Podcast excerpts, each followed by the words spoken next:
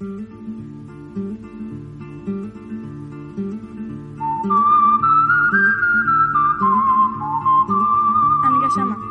הפודקאסט שמנגיש ספרי הגות יהודית בשפה עכשווית. עורך ומגיש, יניב אלוש.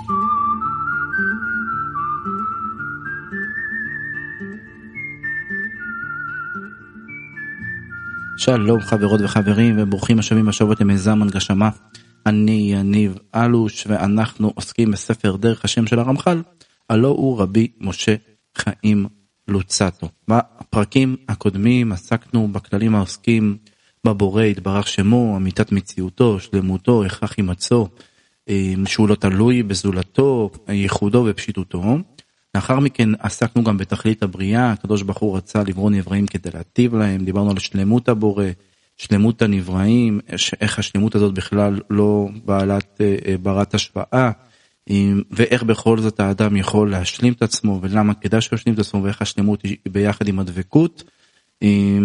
והמין האנושי ככזה שיכול לעסוק בשלמות מצד הנבראים ויכול להעלות לא רק את עצמו אלא גם את כל הנבראים אל עבר הטבה שאין בה בושה, הכל עסקנו בפודקאסטים הקודמים כאמור. בפרק האחרון, הטיפה ארוך ולמעשה גם מורכב, עסקנו במין האנושי שנבחר להידבק בבורא, נשמה שכלית וזכה לעומת מול גוף ארצי, גבול ההשתדלות שיש לנו לעומת שכר שהוא נצחי, עולם הזה, נש... עולם הנשמות, עולם הבא, דברים מאוד מעניינים ומרתקים.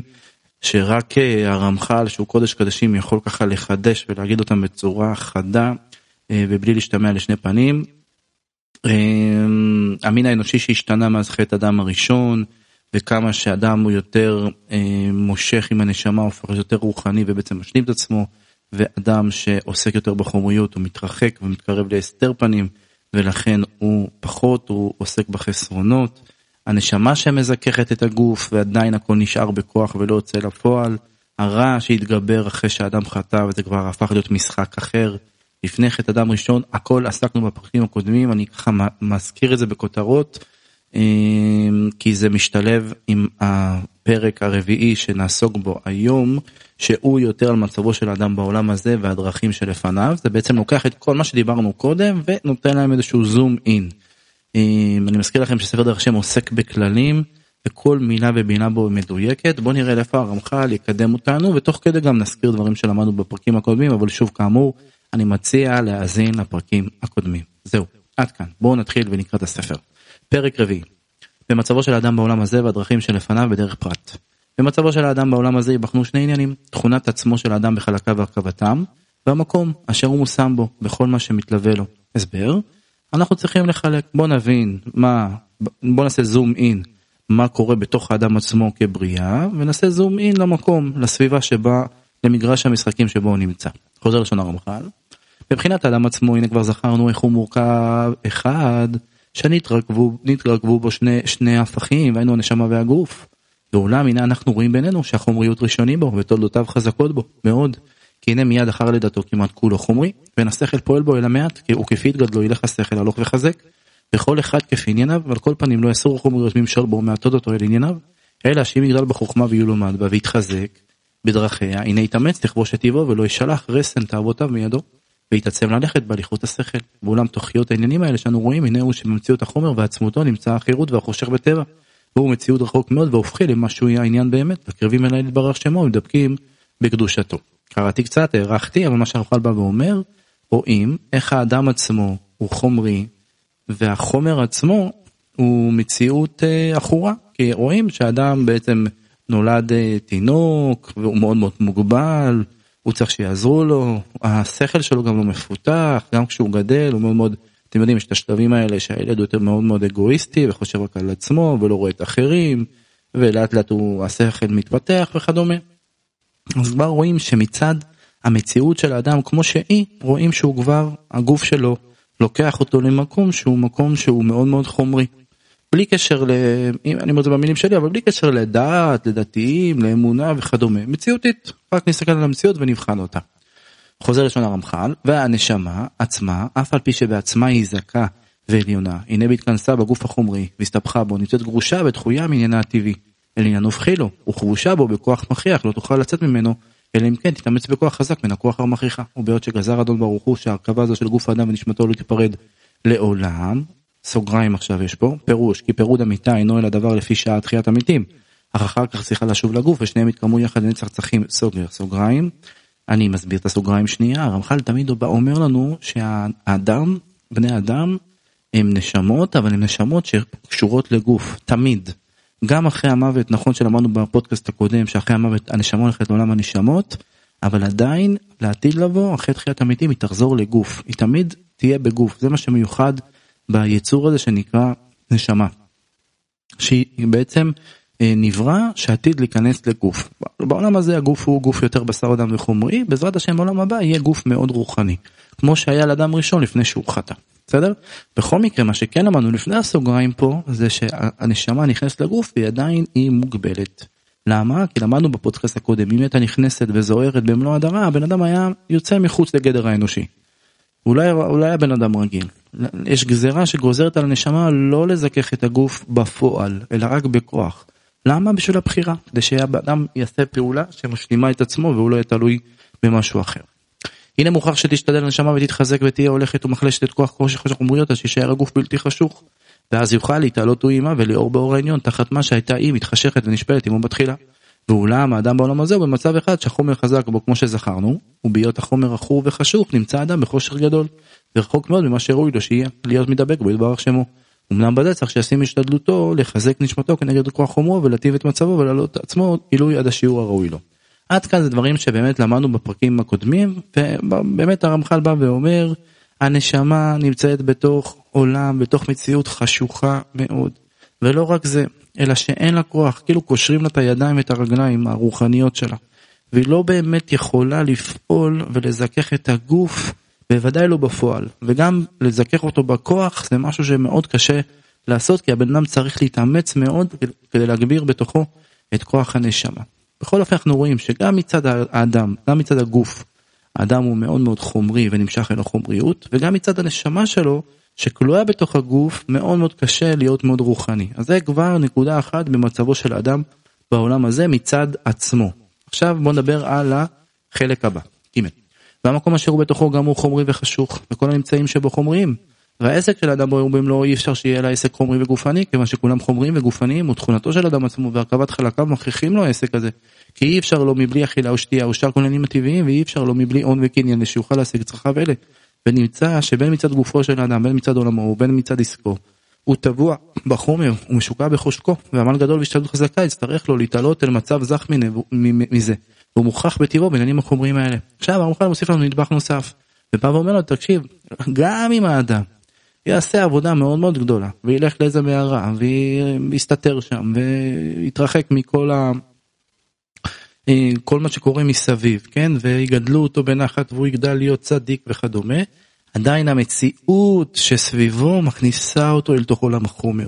הוא עדיין צריך לעשות משא ומתן כדי להתפרנס הוא צריך אישה הוא צריך ילדים ילדים גדלים מאתגרים מי שמחנך בני נוער יודע שזה לא פשוט ובכלל להיות אולי מורה לעסוק כל הדברים שמאתגרים אותנו בעולם הזה זאת אומרת כאילו לא רק מצד הבן אדם אתה נמשך אל החומר מצד מצידנו הוא מספיק פה הוא מזכיר פה גם שאנחנו צריכים לאכול ולשתות ולעשות צרכים גם זה לוקח אותך למקום שהוא מאוד מאוד חומרי.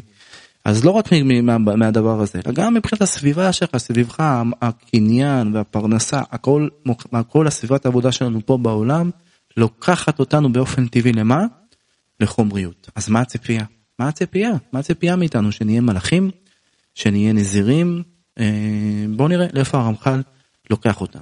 ואולם, מעומק עצת חוכמתו יתברך שמו, היה לסדר הדברים באופן שאף בהיות אדם שקוע בחומר בהכרח, שזה מה שלמדנו עד עכשיו, כמו שכתבנו, יוכל מתוך החומר עצמו והעסק הגופני אשיג את השלמות וההתעלות, אל הזוך ואל המעלה, ואדרבה, השפלתו תהיה הגבהתו, ומשם יקנה יקר וכבוד שאין כמוהו בהיותו הופך את החושך לאור ואת הצלמוות לנוגה יזרח. ואיך זה קורה? בוא נראה, אני כבר אסביר. וזה כי הבורא יתברך שמו שם גבולות וסדרים לאדם בתשמיש שישתמש מעולם בריאותיו ובכוונה שהתכוון בהם אשר בהשתמש בהם האדם באותם הגבולות ובאותם הסדרים באותם הכוונה שציווה הבורא יתברך שמו יהיה אותו הפועל הגופני והחומרי עצמו פועל שלמות. ובו יתעצם אדם מציאות שלמות ומעלה רבה, יתעלה בו ממצבו השפל ויתרומם ממנו, ואולם השקיפה החוכמה העליונה על כל כללי החסרונות המוטבעים בעניינו של האדם, ועל כל ענייני המעלה והיקר האמיתי המצטרכים לו להיות ראוי לשיהיה מדבק בו יתברך שמו ונהנה בטובו, וכנגד כל זה סדרה לו סדרים והגבילה לו גבולות אשר בשומרותם יתעצם בו כל מה שצריך מן המעלה האמיתית שזכרנו וישולל מעניינו כל מה שהוא הרחקה מן הדבקות העליון.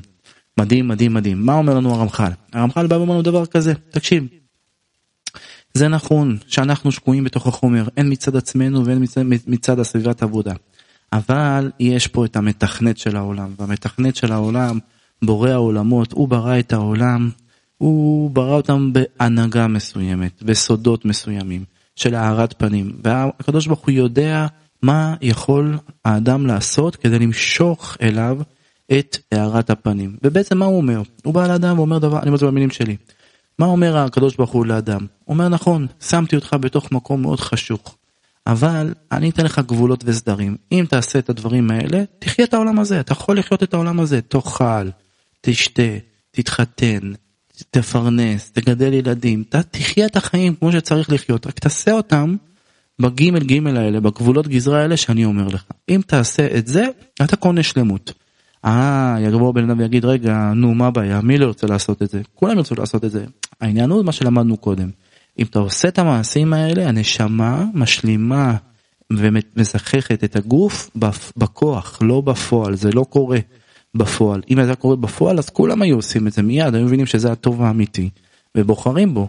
אבל בשביל שתהיה בחירה אמיתית והבן אדם באמת יבחר בשלמות אמיתית, שהיא מצד עצמו ולא כי מישהו מכריח אותו, כמו שלמדנו בפוסטקלים הקודמים, לכן הדבר הזה נסתר ממנו. עכשיו, יש פה דברים מאוד עמוקים שהרמח"ל ככה מכוון, הוא כל מילה אצלו פה מדויקת, הוא מכוון פה כמובן לתורת הקבלה ולעשר ספירות ולעשר, וכל ספירה וספירה מורכבת מעשר ספירות אחרות והוא אומר פה שהייתה פה השקפה, כלומר אותם חוקים וסדרים שתכף נראה מה הם, הם לא סתם ככה אקראיים, אלא הם מכוונים בצורה מאוד מאוד מדויקת להנהגה האלוקית שקיימת בעולמות הרוחניים. לכן כשאתה עושה אותם אתה כאילו נוגע בהם.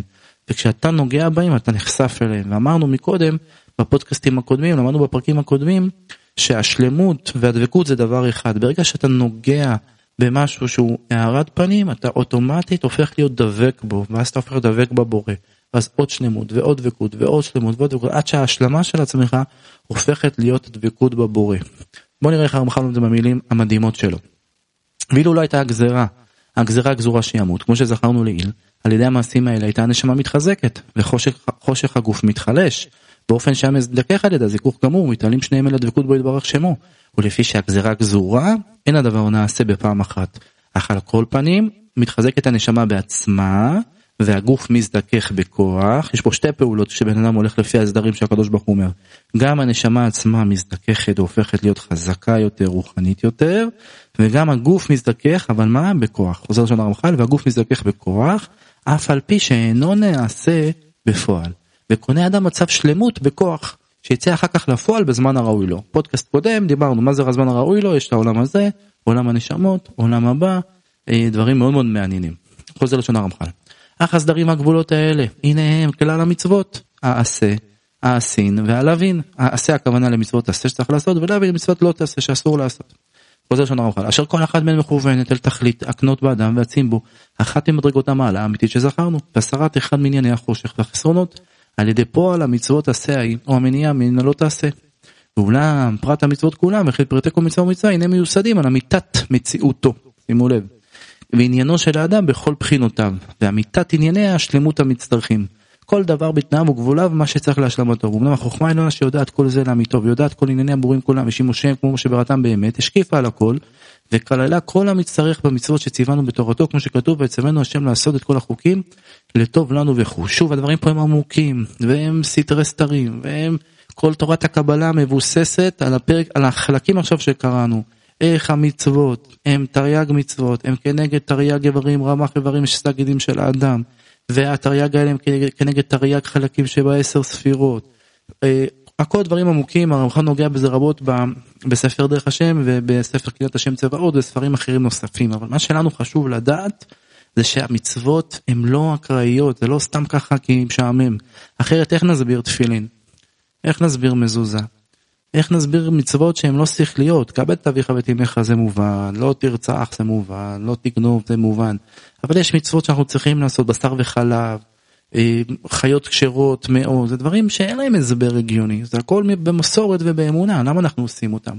כי אנחנו מבינים שיש כל מיני דברים בממדים רוחניים שעליהם המצוות מבוססות, זה הבסיס של כל בן אדם מאמין.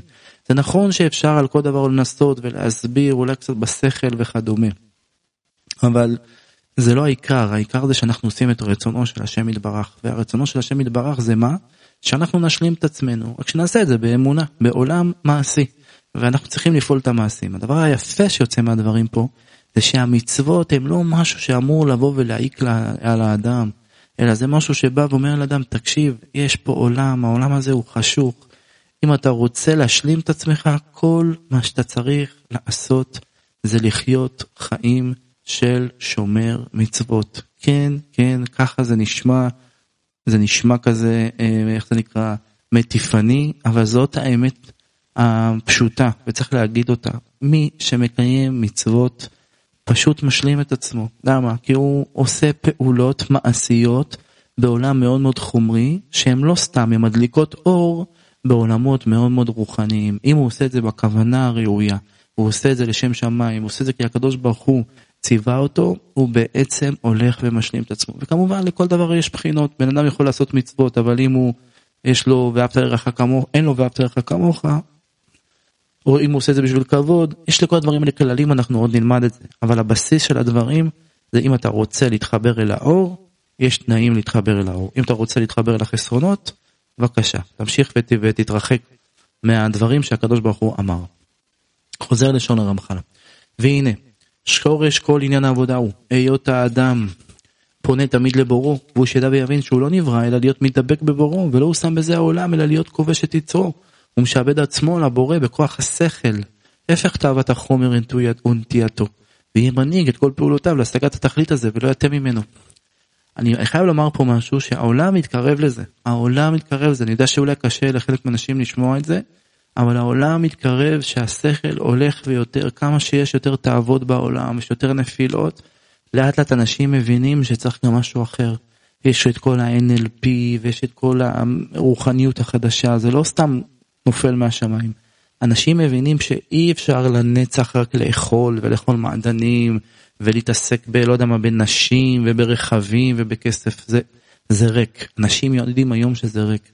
אנשים מחפשים משהו אחר. ואצלנו בתורה הקדושה, ביהדות, יש קדושה מאוד מאוד גדולה, היא רק מחכה שנבוא ונתחבר אליה, וזה מה שאנחנו לומדים כאן. האדם תמיד צריך להיות משועבד לבורא יתברך בכוח השכל. בעזרת השם אנחנו נגיע לזה. חוזר לשון הרמח"ל. אך ההנהגה הזאת מתחלקת לשני חלקים, האחד הוא במה שיעשה מפני שצווה בו, והשני במה שיעשה מפני שהוא מוכרח בו וצריך. פירוש, האחד הוא כלל מעשה המצוות, והשני כלל מה שאדם משתמש מן העולם לצורכו. תכף הרמח"ל יסביר. מעשה המצוות, הנה התכלית בו לאדם שיעשה ומבואר הוא, שהוא לקיים מצוות בורו ולעשות חפצו.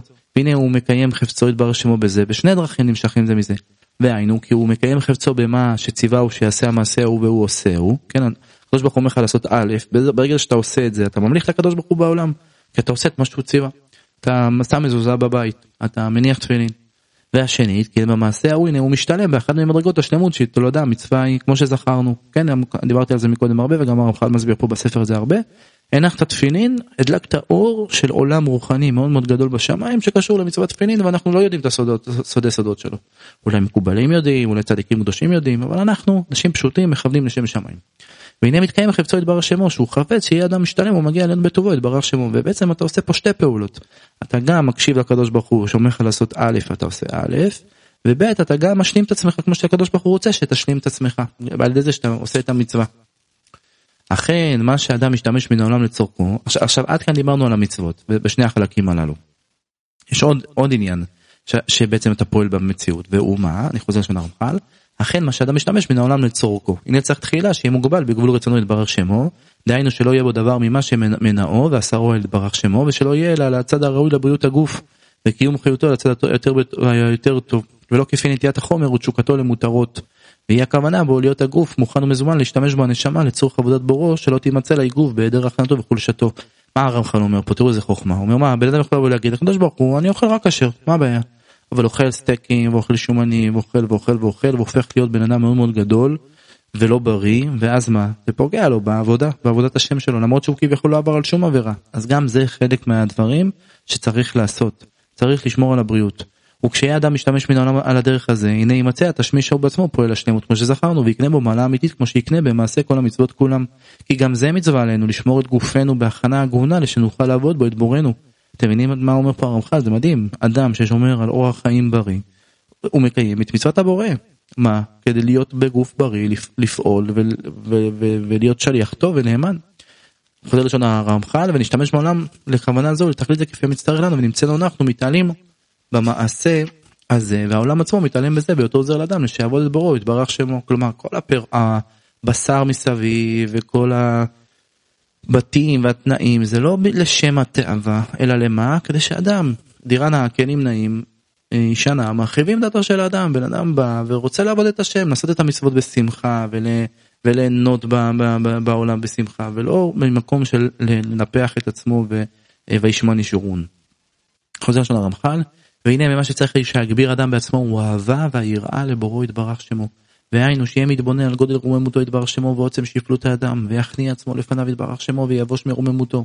ויהיה חושק ומתהווה להיות מן העובדים לפניו להתעלל בתהילתו ולהשתבח בגדולתו. כי אלה אמצעים חזקים המקרבים את האדם אל בוראו ומזכרים את חושך החומר ומזהירים זוהרי הנשמה. זה מה שנקרא אדם צריך לעשות זה מסיעת ישרים שלמדנו בפודקאסטים הקודמים שלנו פה במיזם הנגשמה אתם באמת מומלץ מאוד להקשיב להם על הספר מסילת ישרים של הרמח"ל. שם הרמח"ל מסביר בדיוק איך זוכים ביראה ויש איזה סוגי יראה יש ואיך זוכים באהבת השם אבל פה מה שאני לומד בדבר הזה שהרמח"ל כבר פה בדרך בדרך השם מסביר לנו אל תתבלבלו לא מספיק רק לעשות את המצוות אלא גם צריך גם את המידות לעבוד על המידות מידת היראה מידת האהבה. למה כי הם מזכחים את חושך החומר ומזהירים זהורי הנשמה ומעלים את האדם מעילוי לעילוי עד שישיג קרבתו יתברך שמו. ממשיך בלשון הרמח"ל ואומנם אמצעי נתן לנו האל יתברך שמו חוץ ממה שלמדנו יראה ואהבה. האל יתברך שמו שמדרגתו למעלה מכל שאר האמצעים מקרבים אדם אליו והוא תלמוד התורה והוא בשתי בחינות האחת בבחינת ההיגיון והלימוד והשנייה מבחינת ההשכלה השכלה כמובן פה לרוחניות. כי הנה רצה בחסדו יתברך וחיבר לנו חיבור דברים כמו שגזרה רוחמתו ומסרם לנו והיינו כלל הספר התורה ואחריו ספרי הנביאים שבסגולת הדברים האלה יהיה מי שמי שיגה בהם בקדושה וטהרה על הכוונה הנכונה שהיא עשיית חפצו יתברר שמו יתעצם בו על ידם מעלה עליונה ושלמות גדול עד מאוד וכן מי שישתדל בהבנתם ובידיעת מה שמסר לנו מפירושיהם יקנה כפי השתדלותו שלמות על שלמות כל שכן אם יגיע להשכלת סתריהם ורזיהם שכל עניין מהם שישכילו כבר ויתעצם בנשמתו מדרגה מן המדרגות יותר עמוד במעלה והשלמות האמיתי. זה מה שנקרא סליחה שאני ככה זה מרדד את זה אבל זה מה שנקרא בלשון העם צ'יטים. אם אמרנו מקודם שהמצוות זה הגימל גימל שצריך לחיות בהם ואמרנו מקודם שלא מספיק רק לעשות את המצוות אלא גם צריך שזה יהיה ביראה ואהבה כאן הרמח"ל בא ואומר תקשיבו יש גם דברים שהם שוברי שוויון. מה זה שובר שוויון? התורה הקדושה. מי שלומד בתורה הקדושה כמו שאנחנו לומדים פה במיזם ועוסק בתורה ולומד בתורה שמה בתוך התורה כבר יש צ'יטים צ'יטים זה שם קוד לדברים שיכולים לעזור לך לנצח את המשחק. שמה יש לך פור, אתה יכול להתקדם ולהרגיש את המציאות באמת של האלוקות בעולם. ולכן הדברים שאנחנו לומדים כאן ישבו לך בצורה הרבה יותר קלה ללב כי מי שעוסק בתורה הוא מקבל פלאש, פלאש רציני של האור האלוקי אל תוך הנשמה כמו שתי, איך נקרא, כמו שתי מכות חשמל אה, חזקות שמעוררות האדם. ככל שאתה לומד ביראה אמיתית כמו שהוא רומס פה הרמח"ל ועל אחת כמה אם אתה מצליח ללמוד גם ביסודות התורה אתה מקבל הבזקי חשמל רוחני מאוד רציניים והדברים האלה עוזרים לך להיות על התדר. התדר רוחני כמובן. חוזר לשון הרמח"ל ובכל אלה העניינים לא די במה שקונה אדם בעצמו מעלה ושלמות אלא שמציאות הבריאה כולה בכלל ובפרטה מתעלה ומשתלם בפרט על ידי התורה. כן אדם למדנו את זה גם במסילת ישרים אני חושב אבל האדם הוא בנוי כנגד אה, אני חושב שלמדנו את זה בסדרה של תומר דבורה סליחה שהאדם הוא כנגד עשר ספירות, ממש, הוא, הוא, הוא כצלם, בצלם אלוקים ברא את האדם, ולכן כשאדם משלים את עצמו ולומד תורה ומתחזק, אז לא רק הוא אה, מתחזק, אלא גם כל העולם מתעלה איתו, גם האוכל אומר את זה במסילת ישרים. חוזר לראשון הרמח"ל, ואולם סיבת כל מצבי אדם חשכתו ובירתו הנה יערת פניו יתברך שמו אליו או יתעלמו ממנו, למדנו את זה בפרקים הקודמים, כמו שזכרנו לעיל. כי הנה כי מה שאדון ברוך הוא מאיר פניו מתרבה הזוך והשלמות כמי שהגיע לו הערתו, כפי שהוא הערה כך הוא שהוא השלמות. והזוכר נמשך ממנה והפך זה ייעלם. אמנם אדון ברוך הוא מאיר תמיד למי שיתקרב אליו, ואין מניעה טוב מצדו, מצדו כלל, אלא מי שלא יתקרב אליו יחסר יערתו, והמניעה מצד המקבל, לא מצד המשפיע. והנה גזרה חוכמה עליונה שעושה אותם העניינים שציווה דהיינו כלל המצוות כולם כמו שזכרנו. בכל מעשה מהם שיעשה יהיה מתקרב על ידו מדרגה מה ממדרגות הכרובה שאליו יתברר שמו. ותגיע לו על ידי זה מדרגה מה ממדרגות הארת פניו, כפי הכרובה שנתקרב לו. ויתעצם בו מדרגה מן, השל... מן השלמות שהיא תולדת מדרגת ההערה היא. והפך זה העבירות, כל מעשה מהן שיעשה אדם חס ושלום, הנה יתרחק על ידו ממנו יתברר שמו מדרגת מה. ויתווסף עליו על ידי זה מדרגת ממדרגות העלה מהרתו יתברר שמו והסתר פניו, ויתעצם בו על ידי זה מדרגה מן החיסרון שהיא תולדת מדרגת העלם ההוא. כן, אני ככה רץ, אני יודע, אני מתנצל, אבל מה שפה אומר הרמח"ל, אתה עושה מצוות, אתה זוכה במדרגה מסוימת ואתה מתקרב לשלמות, להארת פנים. אתה עושה עבירות, אתה מתרחק ואתה מושך אליך הסתר פנים. ונמצא, לפי מה שהקדמנו, כל מה שהקדמנו, שהכוונה באמת בכל המצוות תהיה הפנייה אליו יתברך שמו. כן, כשבן אדם מקיים מצווה זה כאילו שהוא מרים שלט, הקדוש ברוך הוא, אני רוצה להתקרב אליך. זה כל העניין. להתקרב לו ולאור פניו, והמניעה מן העבירות, להימלט מן ההתרחק ממנו. וזה התכלית האמיתי שבהם. כלומר, אדם מאמין ואמיתי, הוא לא עושה את העבירה כי הוא מפחד שהוא יקבל עונש. הוא לא לא עושה את העבירה כי הוא מפחד שלא יודע מה יקרה לו משהו, אלא כי הוא לא רוצה להפסיד בקמצוץ התרחקות מהשם יתברך. הוא כל כך מרגיש אותו, הוא כל כך מאמין בשם יתברך, הוא כל כך נוכח בחייו שהוא יודע שהעבירות זה דבר רע, זה מרחיק, ואם יש לו נפילה הוא מיד עושה תשובה, כי הוא יודע וואי נפלתי, היצר יתגבר עליי, התאווה שלי, הכוחות החומריים יתגרבו עליי, ושבע צדיק יגבול וקם, הוא מתרומם חזרה, למה? כי הוא רוצה לחזור ולהיות דבוק בהשם. רק מי שמרגיש דבקות בהשם יתברך יודע כמה כל המצוות וכל המעשים הטובים שאתה בן אדם רוצה לעשות, באמת כדי להיות קרוב להשם יתברך. בואו נסיים את הפרק. אך העניינים בפרט, יש בהם עומק גדול, כפי פרטי ענייני אדם והבריאה כמו שזכרנו לעיל, ונדבר עוד בקצת מהם בחלק בפני עצמו, ועזר היה להתברר שמו. כמובן, כמו שלמדנו פה זה הכללים, ואם נעשה זום אין, יש הרבה הרבה פרטים, בטח לחלקכם זה עלה אה, תוך כדי הפרק, אבל כאמור, כאמור הרמח"ל אמר שנעסוק בזה בפרקים הקודמים. זהו, סיימנו את פרק אה, רביעי במצבו של אדם בעולם הזה. ספר דרך השם הוא ספר מדהים, נפלא, עמוק מאוד, אה, ואני מקווה מאוד שהחזקתם ראש איתי, אה, ותודה רבה לכם, החברותות האהובות שלי, וניפגש בפודקאסט הבא, בפרק הבא. בשם השם נעשה ונצליח. הנגשמה, הפודקאסט שמנגיש ספרי הגות יהודית בשפה עכשווית. עורך ומגיש, יניב אלוש.